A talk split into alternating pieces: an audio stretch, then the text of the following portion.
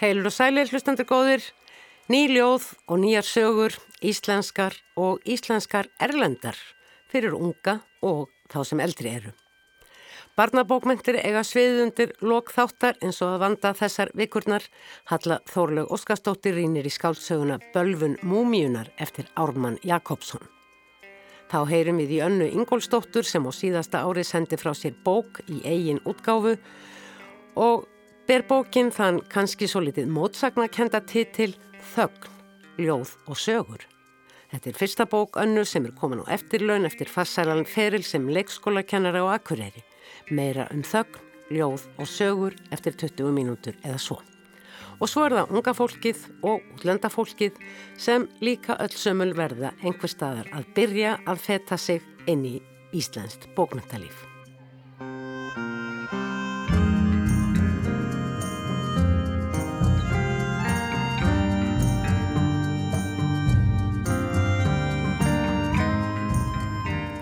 5. daginn 20. februar síðastliðin kynntu Sveikaskáld undir öðru ljóðakvöldi sínu í Gröndalshúsi.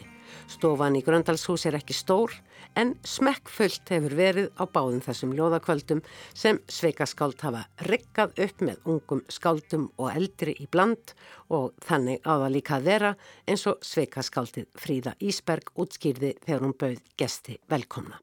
Við viljum nánt og við viljum eh, ákveðið svona öryggi í því að vera fá og við viljum fjölbreytni líka á þessum kvöldum. Þetta er svikakvöld nr. 2 á árnu en við erum búin að gera þau nokkur í gegnum tíðina.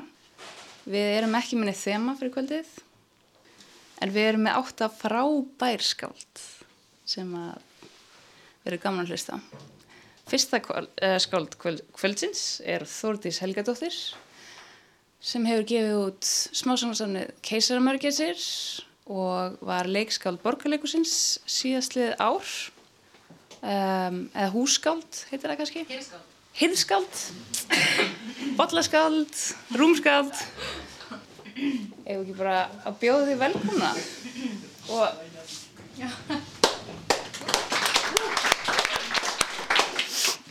Ég ætla að lesa nýjastu sveikaskóldabókin okkar sem heitir Nú sker ég netin mín og hún kom á 2019 og skrifið Flatey uh, sem samstarfsverkefni mm, Vindvera Þá læri ég að rata um húsið, brinni draumkonunni og geri gull úr drullu eins og mér er uppálagt. Vef saman Eva við örvæntingu, fletta rángsælis eins og munkur sem hefur mist trúna en ekki augun eða hendurnar eins og vinkonu mín sagði daginn sem hárið losnaði af höfðin á henni og fjall millir gólfjálana. Ég býð vonlaus í búk sem verpur ekki eggjum heldur fæðir með sprengingu og flóði frjóra vögva. Neiðist til að rúmast á þessum beinum, þessum þjættu þungu beinum. Holdið fyrir krókaleiðir og syngur á siglingunni en andin ferðast á jöfnum hraða í loftlínu. Eftir sólarring lendir hann með gilt stjél, finnur mig í fjörunni, sólbaka grjót og neggjar, neggjar og hlær.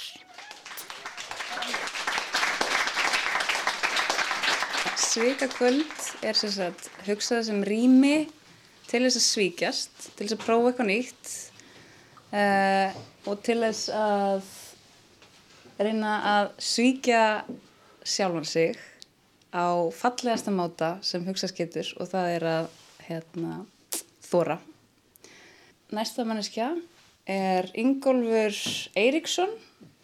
Hann uh, hefur gefið ljóðabók og þýtt tvö leikrit og er í mastersnámi í reitlist við Háskóla Íslands.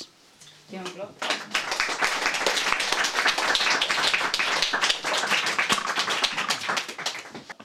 Uh, ég ætla sem sagt að lesa úr hérna bók sem kom út árið 2018 sem heitir Línuröð dagskrá. Já, ég ætla að lesa bara eitt langt ljóð sem heitir Niður, niður, niður. Eitt, katakomba. Hér er mikil hætta á rakaskemdum. Ég er með nefið límt upp við þvalan veggin og kójan sem ég hef grafið mig í er fúin eins og af afgömmul bryggja en ég hef aldrei verið loftrætur fyrir nú. Fyrir neðan mig bylgjast plastpoka haf, myndaalbum og brefsnifsi, flöskuskeiti hinn að framliðinu. Minningar, draumar, hugsanir í brefum, reikningum, skýrsteinum. Ásýn þeirra rís upp úr pókunum, mýrar menn upp úr eðjunni. Sveiattan, burt með ykkur, þetta er stúdíó íbúð. Mig varðar ekkert um ástandið á leikumarkaðnum. Ég á alveg nóg með mig. Samt fjölgar plastpókunum. Skrítið. Ég hef ekki synt heimilistrifunum sem skildi. Hef dreyið lappirnar um gólfið og hnotið um minningar annara. Manstu gamla daga? Ég man hvernig gullið handfang leistist upp í svitastorknum lofa og reikult skrið út úr kirkjunni, lífróður líkmannana. Ég man yfirgefna íbúð og þessa ruslapuka. Ég er umkringdur reyttáknum sem ég kann ekki að ráða. Ég hef stungið mér ósindur til sunds í minningum annara.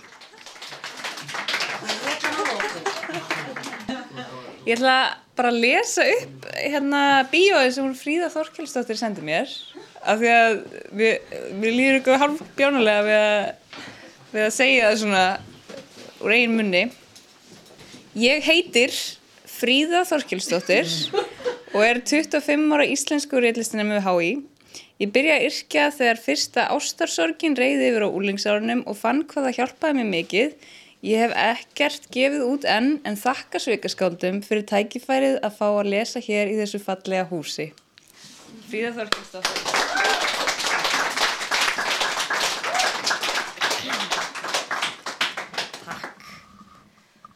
Fyrsta ljóði sem ég ætla að lesa heitir Fjólublár. Þeim kom vorkun ekki til hugar þegar þau sáu marið. Ólistilegt eins og munnangur smeðal. Á hann virkilega að vera svona á litin? Ef þau fundu til með einhverjum var það þeim sjálfum. Neitandanum sem borgaði 764 krónur fyrir hvert kíló. Flæðarmál. Ég fann hann í gjótu. Hann líktist særiðu dýri. Þegar auðu okkar mættust, hittnaði hold mitt og mýktist. Beinin urðu að engu. Ég bráðnaði millir steinana og seittlaði í átt til hans. Hann tók sér úr kjálkalið til að opna munnin betur. Hann vildi fá hvern einasta dróp af mér áður en ég blandaðist regnvatninu.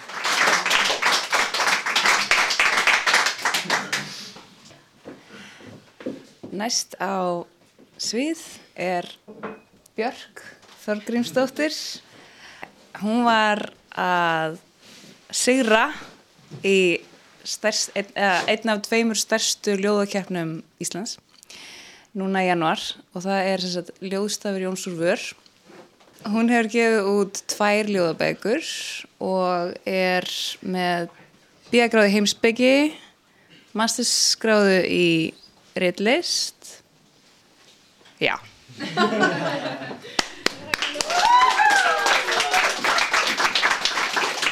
Hæ, hérna, já, takk fyrir að bjóða mér að lesa, það er geggjað.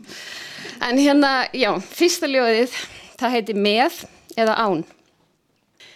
Guð læsi mig úti og með dreymir ábyrðarleysi. Fæ flösku skeiti um trúlofun og barnafætur. Án sendanda. Ég síð pastað tvísvar svo ég þurfi ekki að hafa eins mikið fyrir því. Og ekkin upprisan svo verði þinn vilji. Eins þegar mikið liggur á. Stiltur hlátur, geimist hún í skúfu, lítil fótspor vaksa út undan mér. Tárin vakka sig í ró. Þú skalt alltaf strjúka yfir borðið með blöytum klút. Svo er hérna eitthvað svona nýtt sem að ég er eitthvað svona að pröfa, um, sem að heitir ekki neitt. Ótrúverðugar mæleiningar, sjávarháski froska, hverfandi sjómöl, Á himninum klingja fótspor, skærar útskýringar. Ef þú skilur mig ekki, þá lýs ég yfir algjörum miskilningi. Stráin í kuldanum, óskiljanleg rjóma blíða. Sleikir puttana. Rygningin skilur eftir sig drópa. Smámaulið fjall. Ágangurinn er til sóma. Ég myndi segja til hamingju, en ég kann ekki á Royal búð, búðing. Þetta er ekki sponsorað en eitt svo leið, sko. Auk þeirra sem hér heyrðist í komu fram á þessu ljóðakvöldi Svikaskálda í Grundalshúsi þau Jakob Stakonovic, Solbjörn Vera Ómarsdóttir, Kári Túliníus og Elisabeth Kristín Jökulsdóttir og hlusta má á alla dagskrána á heimasíðu þáttarins rúf.is orð um bækur.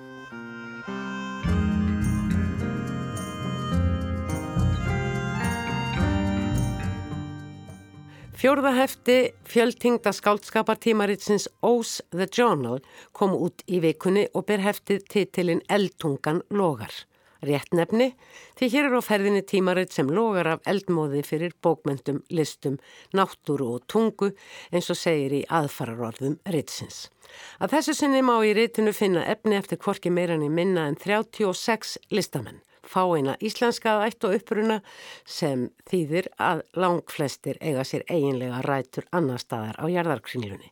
Í mið og norður Amríku, söðustur Asju, norðurlöndunum, mið Evrópu, austur jæmt sem vestur og þar á milli sem og langt í söður og í söður Afríku.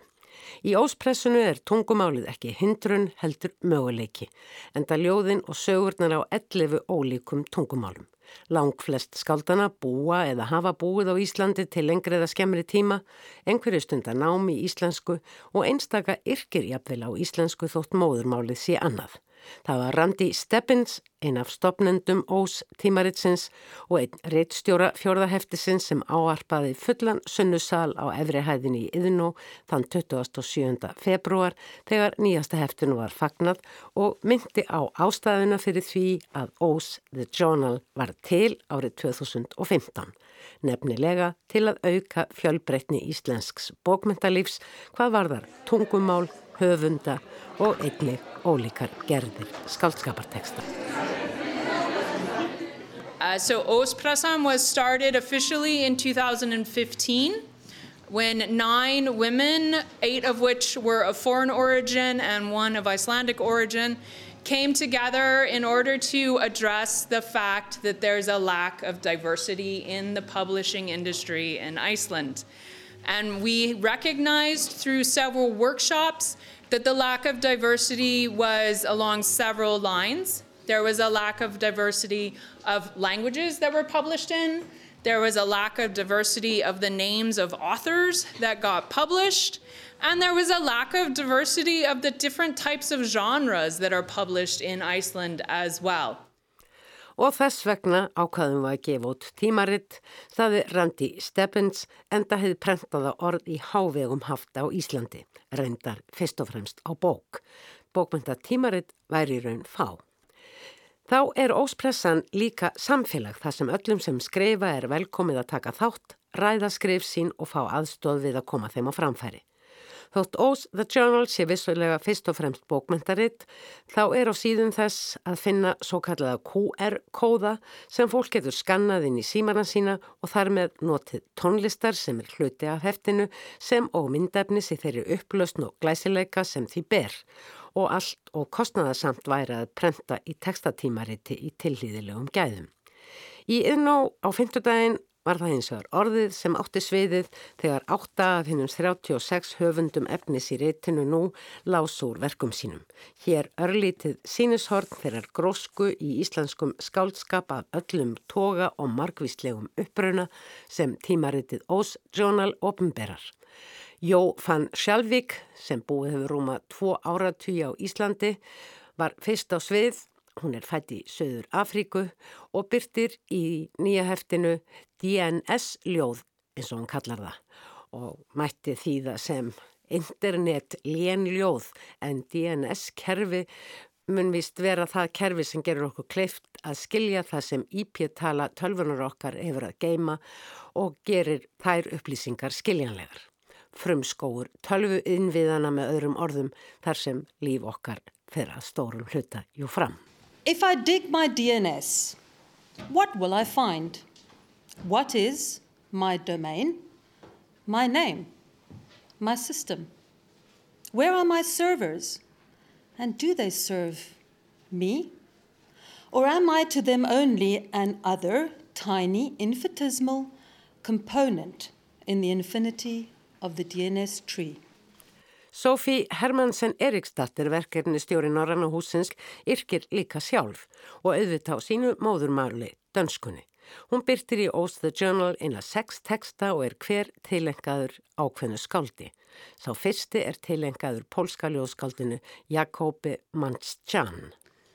1. Vi finder ingen tunge, vi finder bare grus, plastik, orme, smør og bananer. Fiskefrikadeller smager ikke ens med forskellige tunger. Fiskibólur bræðast með sínum hætti, sagði hér í lokin eftir því hver tungan er, en það engin sameinleg tunga til. Claire Pogan frá Fraklandi hefur aldrei byrt ljóð fyrir nú í Oath the Journal. Ljóðið er orrt á ennsku án titils og ég er hreinlega ekki alveg vissum hvort þetta er ástarljóð eða eitthvað allt annað. Blue sky in a vast, glorious landscape. In the honor of the devastated intestines, washed out through the determined stream. My precious stone rolling in my hand does nothing but keeping me alive. The tongue of all memories did not fail at the magnificent dominance of its own movement. Waves of glittering, transparent, escaping texture spread all over my precious stone, humid. Dawn rain, vibrations inside my breath. Our possessive kingdom has decided for us fatality as a way to be. Tack för. And uh, the next reader is Hannah Corinne. I have a very short poem. Okay, here's my poem. It's called The Sun Was Too Much for Us, and it has a hidden meaning, but I'm not going to tell. The sun was too much for us. It roared in beauty and warmth. So we chose the moon. And the moon pointed us back around with the face of an echo, with ocean tides stretching to reach us, to lay a hand on our feet as we walk aimless along the sand of all that came before. We chose the moon, and the moon cried, I am not the one. The end. And the next reader is Ægir Janke. Þess má geta að Ægir Janka er sjálfur útgefandi bókmentatímaritsins skandali og hefur gefið út nokkrar bækur. Hann auglistir endur eftir efni í bladið fram til loka mars. And uh, then I have a poem in this nice publication. This is in Icelandic. It's called uh, Mjóttin brennur. Frá miðstöð stræt og BS í mjótt best svartur reykur. Eldungur tegja sig hærra en blokkirnar við þangabakka og hvarvetna gefur að líta borgar á hlaupum til og frá að reyna að bjarga því sem bjarga verður, ristu skinkubátunum að söpbei, ostasleifum og síkurskertum kókumjölkum og bakarmeistarnum miðum og fimmsýningu á nýjustu romkomu Ryan Reynolds úr sambíónum og öllum 500 köllunum úr landsbankanum. Tvei bæjarfélög standa á öndinni þegar útspyrst að mjóttin brennur.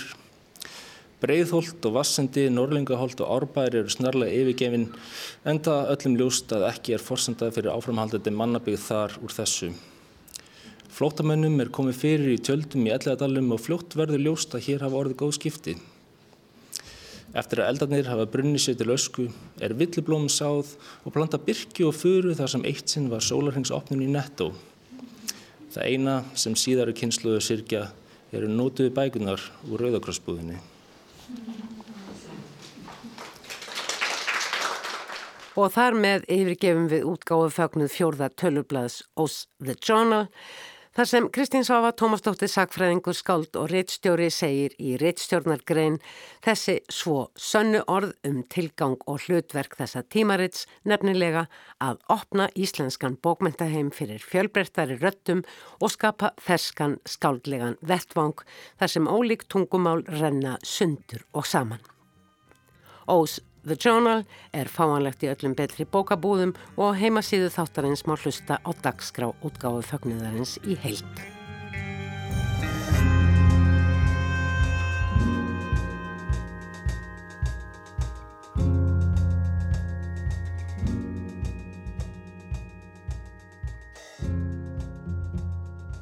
Ljóð eru þess eðlis að þau vekja tilfinningar ekki síður en að með því að lesa þau helst endur tekið, afhjúpast merking. Hvortveikja með sínum hætti vekur eitthvað nýtt, nýjar tengingar millir ólíkra hluta eða fyrirbæra í huga þess sem les. Ekkert af þessu afhjúpar þó hvað ljóðmælenda bjó í hug, skáldinu. Suma hluti er stundum erfitt að orða, jafnvel ómögulegt, þannig að það verður að orða þá eins og þeir væru eitthvað annað en eru samt þetta erfiða, óorðanlega sem ekki er hægt að lifa með að minnstakosti ekki á þessu augnabliki. Án þess að pakka því inn, girða af þannig að verði til leið framhjá. Þessar hugsanir komu upp í huga minn þegar ég las fyrsta ljóðið í bók önnu Ingólstóttur Þögn, smásögur og ljóð sem hún sendi frá sér í eigin útgáfu í oktober á síðasta ári, árið 2019. Anna Ingólstóttir býr á Akureyri en í vikunu átt hún leið um höfuborgina og var reið búinn til að koma við í útarshúsinu og segja svo litið frá þessari fyrstu bóksinni. Það mætti því segja að Anna sé ungt skált því þetta er fyrsta bók hennar og það er kannski rétt en hún á eiga síður að baki vennilegan starfsaldur er með öðrum orðum komin á eftirlun. Blessu og sæl Anna og til hamingu með þessa bók sem ber titilinn Þögn. Getur þú sagt mér eitthvað frá þögninni í þessari bók? Ég uh, minnist þá kannski á síðasta ljóðið og síðustu söguna. Þar uh, kemur fram afgerandi hugsun um þögn og mismunandi gerð þagnarinnar, mismunandi áhrif, mismunandi ástæður. Stundum getur þögnin verið óþægileg, jafnvel grimm og sár, en stundum verður hún ljúf og góð og Og skapandi. Og skapandi, já. Og viða í bókinni eða kannski einhver starf að leynist á fleiri stöðum orðið þögn. En þú, það er kannski meira svona í leyni eða ekki það sem skiptir endilega öllu máli í þeirri sögu eða þeirri ljóði sem þá er ég að fást við. Það væri nú gaman að heyra þetta ljóð þögn þó það sé síðasta ljóðið í bókinni. Já, ég skal lesa ljóðið þögn.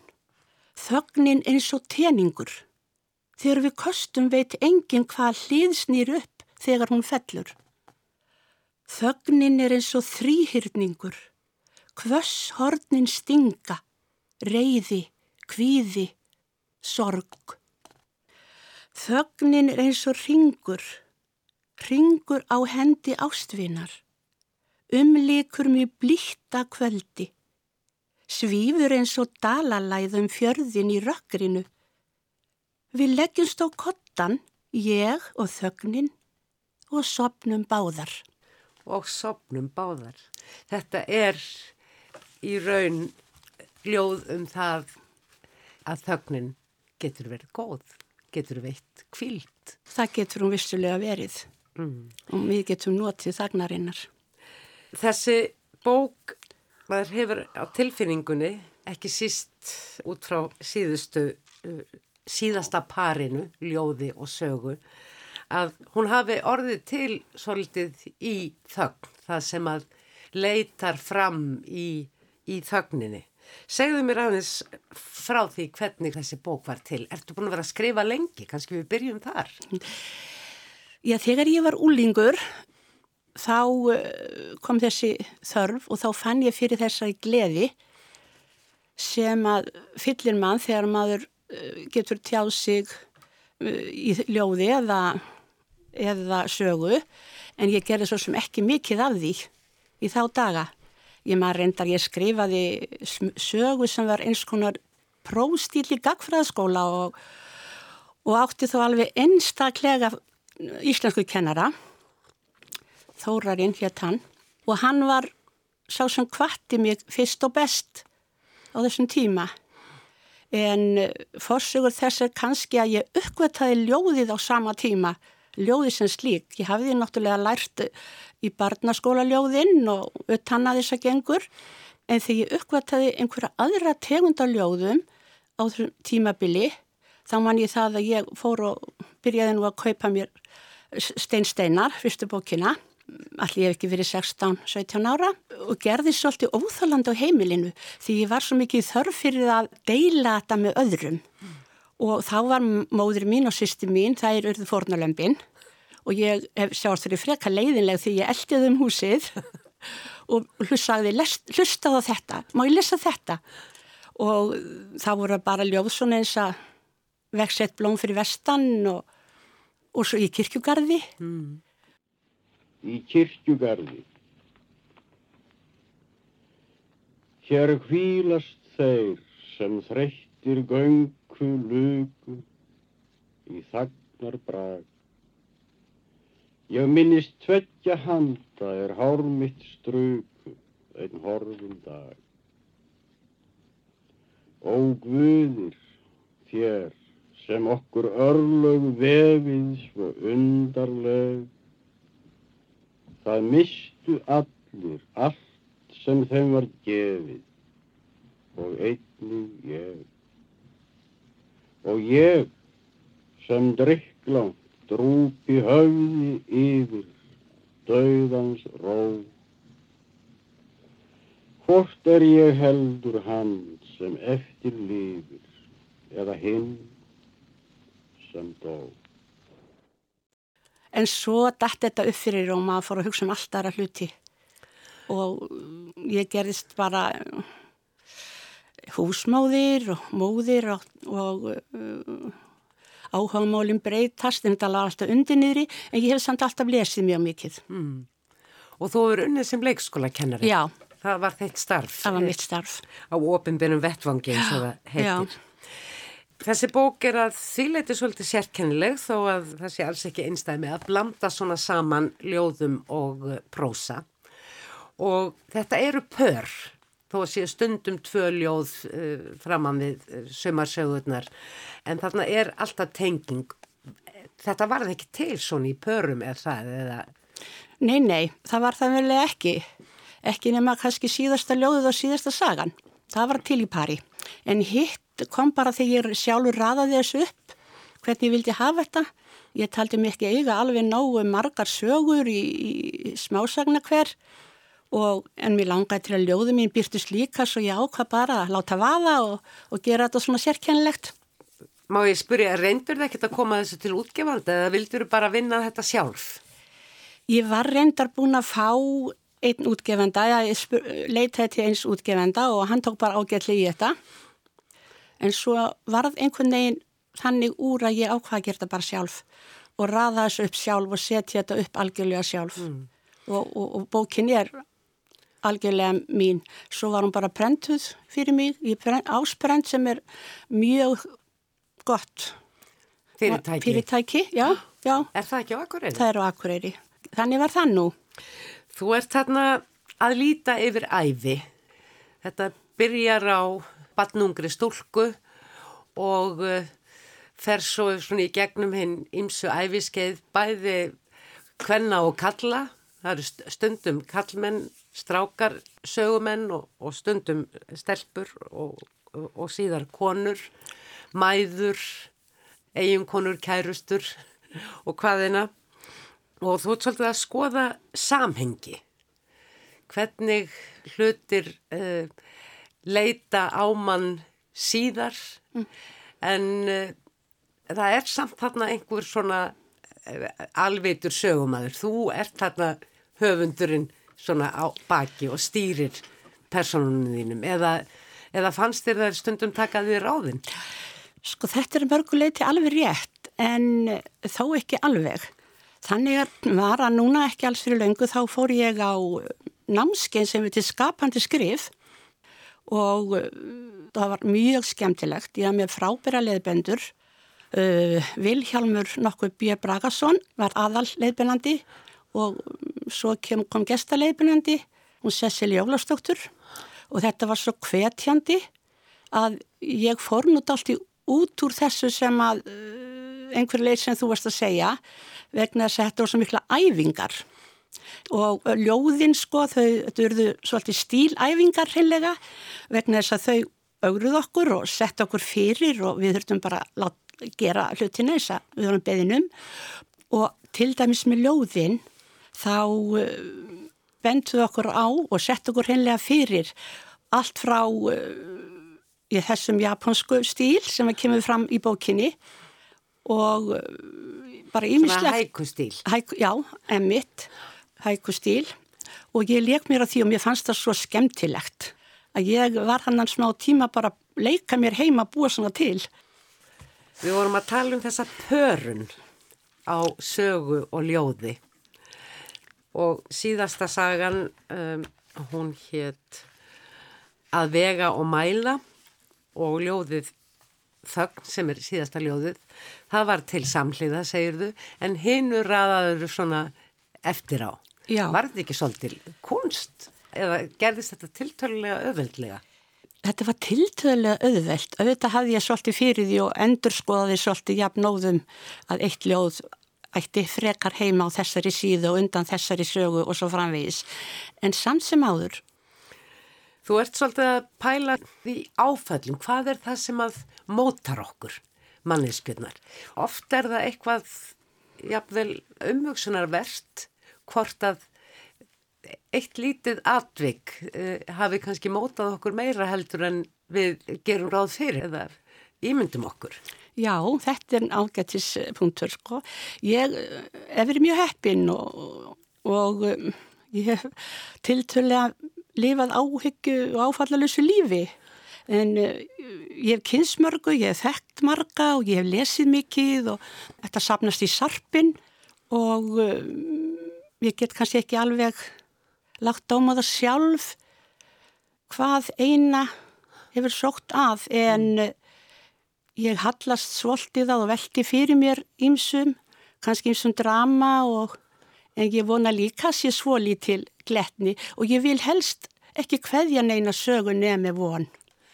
Emmitt, en sögurnar eru spennandi, er, er þeir í mun að það séu spennandi? Maður er aldrei alveg viss hvernig sagan kemur til með endar. Mér er hér til dæmis hugsað til sögunar, uh, heitur hún ekki Vegurinn, mótuhjólastrákana þrjá. Að hún fannst mér til dæmis mjög spennandi og ég hefði ekki ímyndað mér þau endalók sem hurðu á endanum Já. sem ég ætla nú ekkert endilega að afhjúpa. En um, á undan þessu, þessari sögu fer ljóð sem heitir Góðar saman á veginum heitir sagan. Mhm. Og ljóðið heitir Góðar saman og undir titlinum stendur áhrif frá Viktor E. Frankl. Ég var nú að viðkynna ég þurfti að fletta honum upp en uh, þarna var, er einhver tenging. Já. Þú ert að tengja þarna frelsi og ábyrg, þessi tvö hugtök og með vísuninni til Viktors eh, Frankl að tengja hvað? Grimdarverk sem framinn er í blindri hlýðni. Já, ég las bók leiðina tilgangi lífsins eftir hennar mann hún hafi djúb áhrif á mig. Ég var svo sem ekkert nýbúin að lesa hana þegar þetta ljóð var til en, en með þess vegna segir hvað hún hefði haft djúb áhrif á mig og, og ég hef líka, líka hugsað um það hvað frelsið er lítið svirði raun og velu ef að maðurinn uh, hugsaður ekki um ábyrð sína í lífinu og ég var kannski líka þarna að hugsa um formi, við vorum þarna á þessu námskeið sem ég myndist á og átt að skila af mér í tíma og þá var þetta ljóð til sem er um frelsi og ábyrð mannsins. Þú mátt gætnan lesa þetta ljóð, góðar saman, áhrif frá Viktor E. Frankl og kannski framhaldi blá upphafið að sögunni þar sem að minningar koma við sögun. Góðar saman. Í fjarlægri borg stendur stitta frelsisins. Gnæfir yfir götur og torg, veksamar frelsi mannsins. Frelsi til orða, frelsi til að koma og fara, frelsi til aðtapna.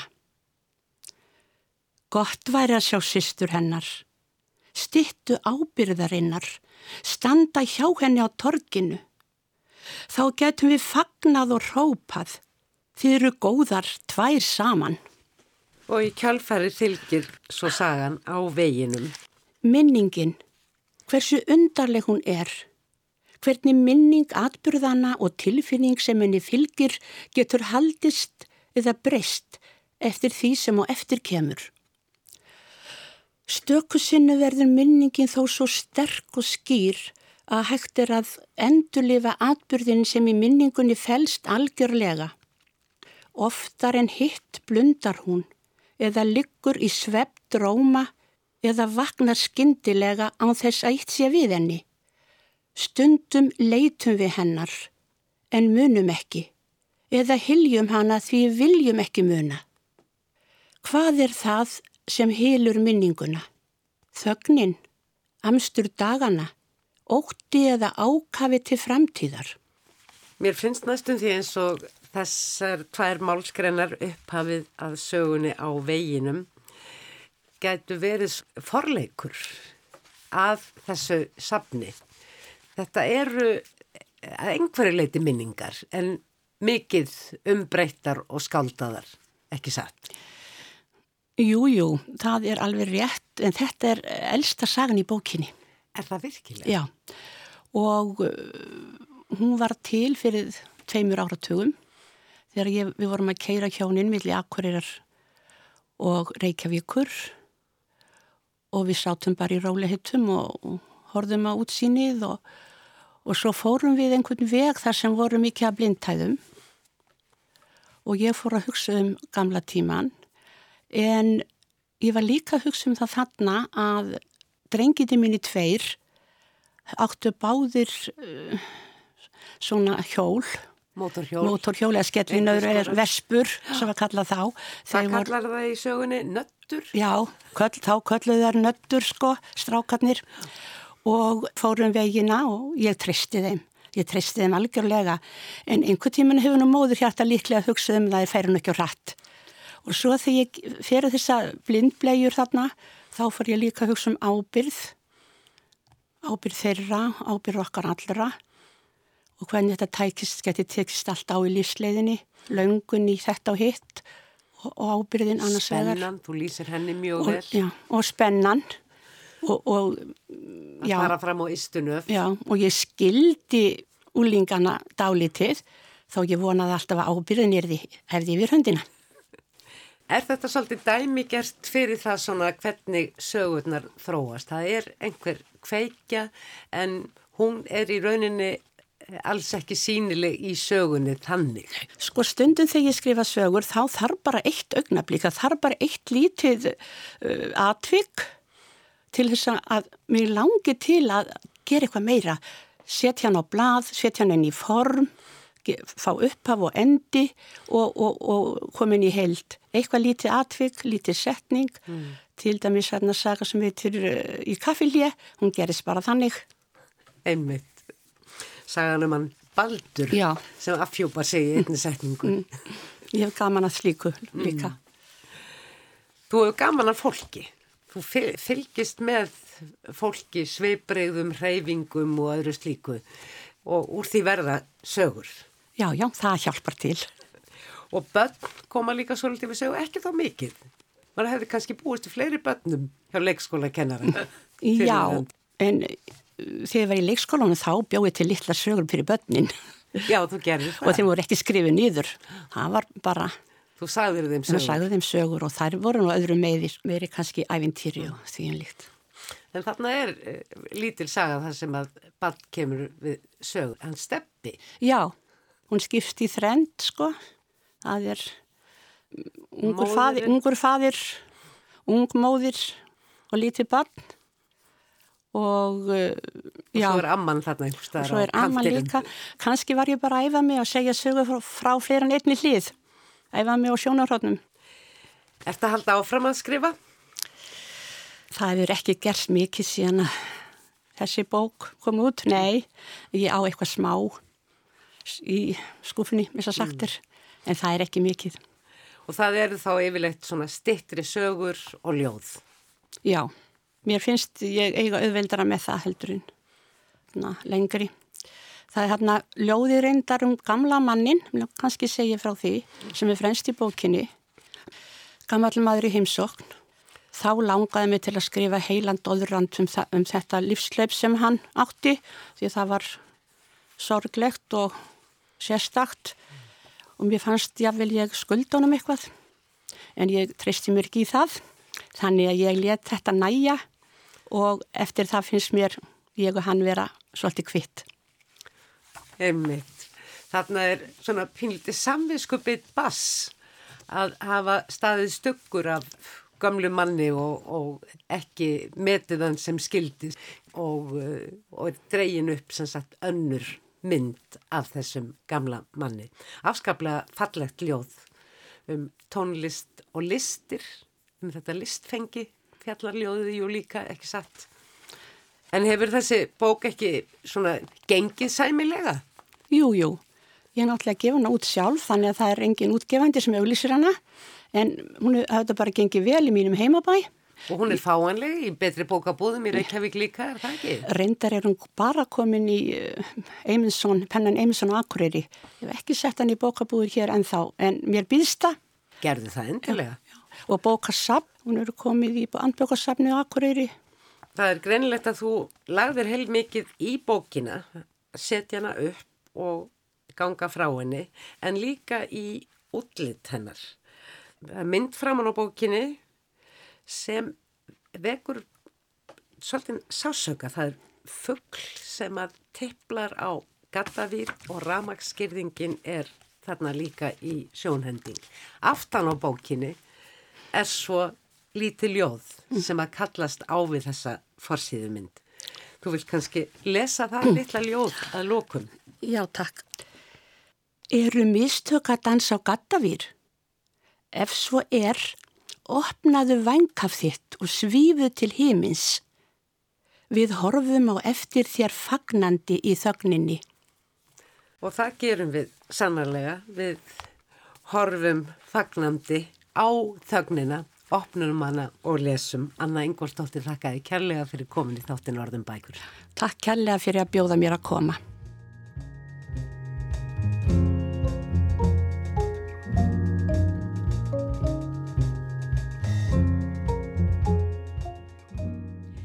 Profesor Ármann Jakobsson sendi frá sér bókina Bölfun múmíunar í fyrra. Barnabók, unglingabók, ungmennabók, ég veit það ekki, þetta er kannski fyrst og fremst spennusaga.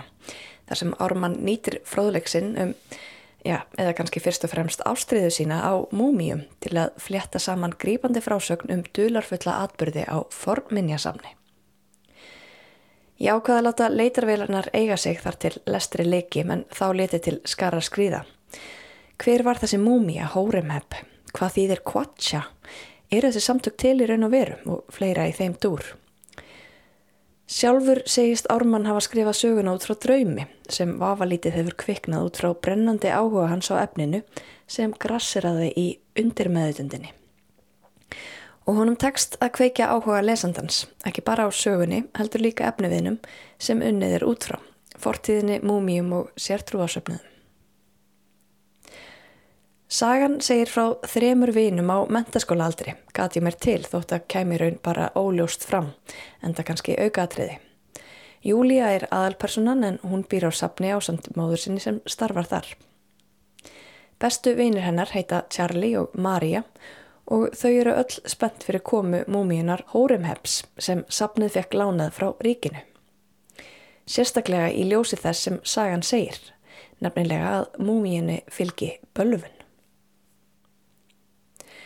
Í umfjöllun minni um bók Sivjar Sigmarsdóttur, Ég er svikari, sem flutt var hér í þættinum fyrir tveimur vikum, bar nazisma og góma, enda til umfjöllunar í þeirri bók.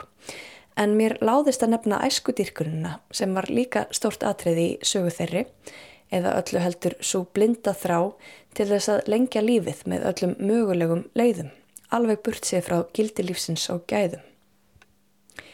Það er áhugaverð tilviljun að bók Ármanns Jakobssonar sem nú er til umfjöllunar, bölfun múmíunar, kemur líka inn á þessi tvö atriði, nazisma senni heimstyrjaldarinnar og þrána eftir ótöðleika.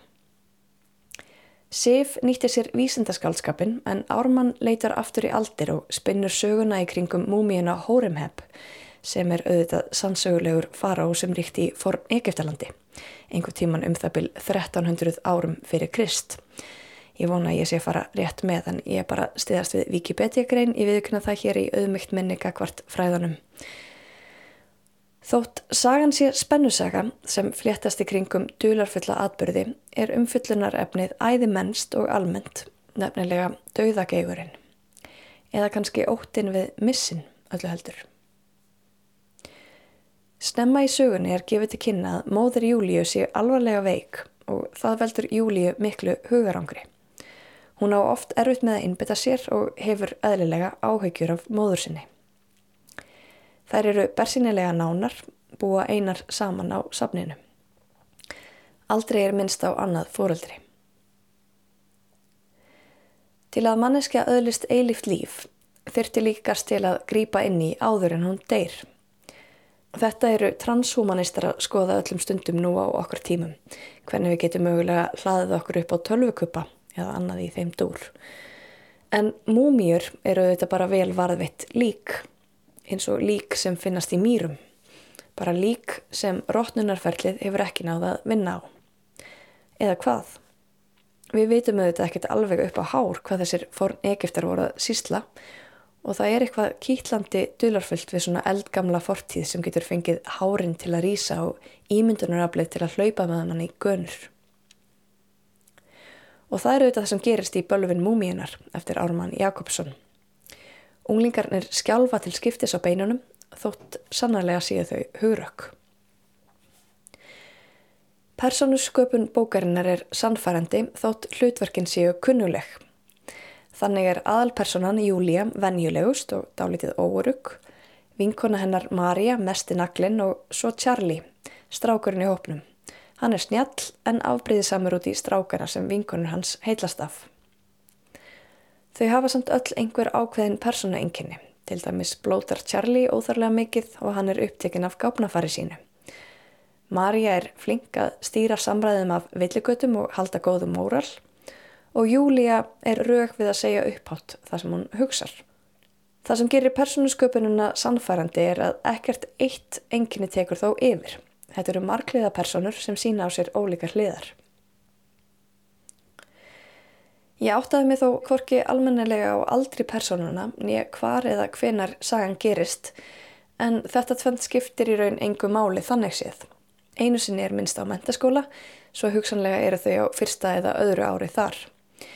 Ég giska á að sögutíminn sé nútíminn en Ármann heldur sig samt frá afhjúpandi hlutum úr veruleika unglinga eins og Snapchat eða Instagram og það gerir bókina þetta tímalösari fyrir vikið.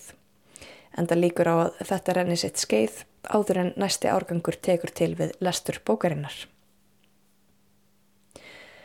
Ármann er profesor í íslenskum bókmyndum fyrir alda og kannski má segja að það sé örlítið fornaldarlegur blær yfir tungutaki ungmennana.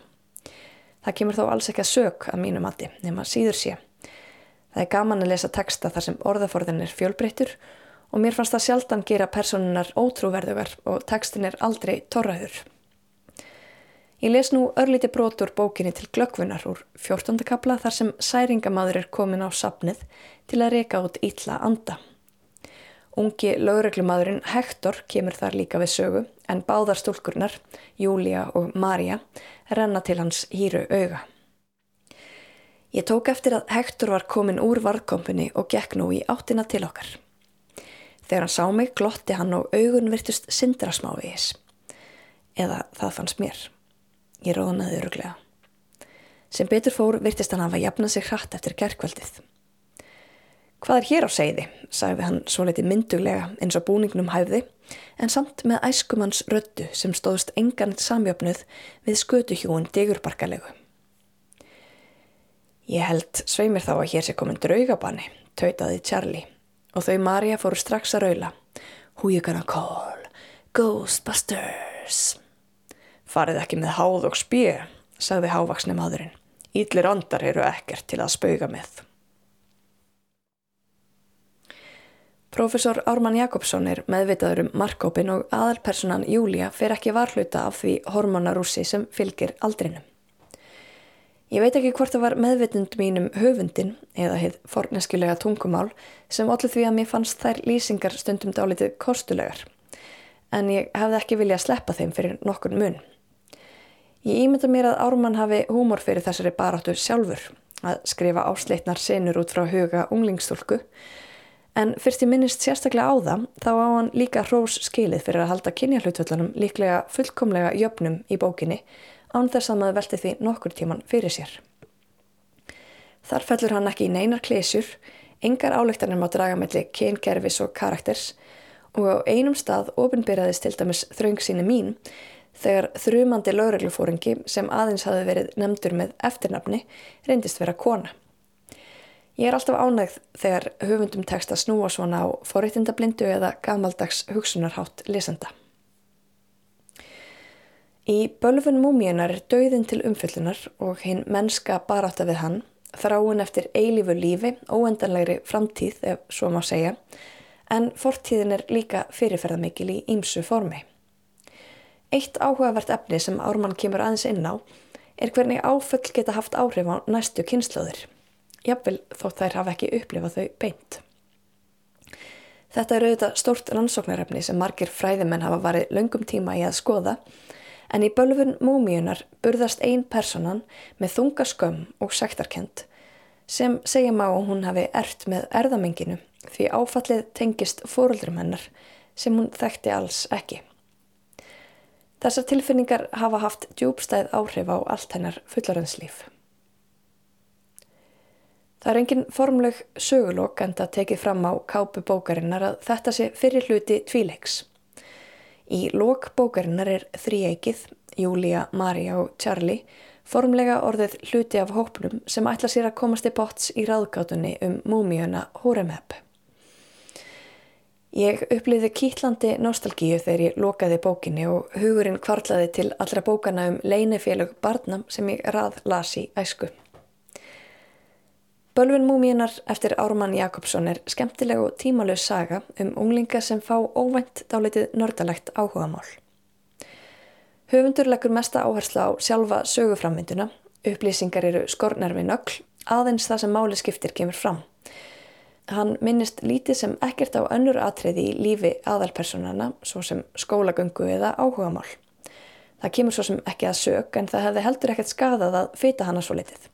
Bókin er ekki laung og tekstin er skemmtilegur og heldur lesanda við efnið. Það er hugsanlega líka þess vegna, það er að segja vegna þess að upplýsingum er skamtað svo naumlega, sem það virkar svona út úr kú þegar aðalpersonan fer að hlutgera unga menni í kringum sig og dagdreima. Heildi yfir er sagan skemmtileg og grípandi. Söguefnið hendar breyðum lesandahópi, þótt líka sé fjallaðum atriði sem gætu virst þungu og flókin í fyrstu svo sem áföll sem erfast. Sjálf er ég spennt að lesa framhaldið af bölfun múmíunar um njósnasveitina og leinisöfnuðin Quatcha. Í millitíðinu ætla ég að sökka mér aðeins í lesefni um þessar dulorfullu múmíur fór Egipta. Fleiri verða orðum bækur ekki að þessu sinni. Teknimaður var Úlfildur Eistensdóttir. Takk fyrir að hlusta. Verði sæl.